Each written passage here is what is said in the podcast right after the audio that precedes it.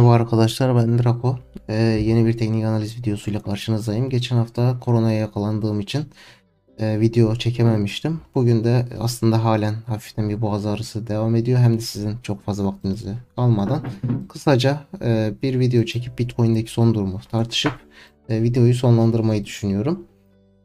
Şimdi baktığımız zaman tekrardan e, Bitcoin'in 46 bin dolar bölgesindeki direncin yanına geldiğini görmekteyiz. Aslında e, hatta videoyu hazırlamadan önce buradaki şu hareket gerçekleşti. Şunu bir 4 saat grafiği alayım.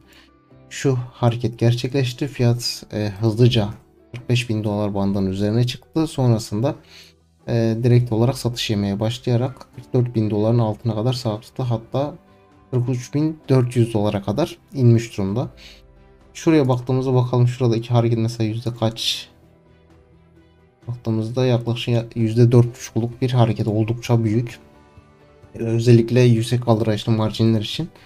Ee, yani süpürücü bir hareket diyebiliriz. Ee, bir genel duruma bakalım ilk önce. Genel duruma baktığımızda zaten buradaki 46 bin dolar bölgesini sürekli olarak dile getirmekteyiz. Sürekli konuşmaktayız zaten. Ee, bir önce önceki videolarda da sürekli konuştuk ve şimdi fiyat tekrardan buranın yakınına gelmiş durumda. Hatta e, test tam saymakla saymamak arasında kararsızım çünkü çok küçük bir e, farkla e, değmemiş durumda buradaki bölgeye. E, şöyle de bir şey var. Tabii ki buradaki bölge çok güçlü olduğundan dolayı e, ilk testte kırılması işte yani daha doğrusu burası ikinci testi olacak. İkinci testi kırılması da biraz e, zor.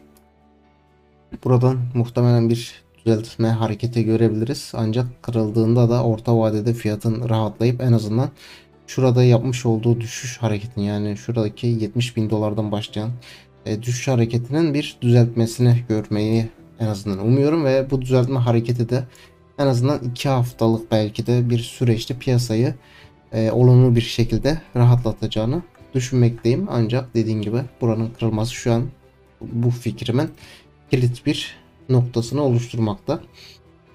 Ee, şimdilik bu kadar.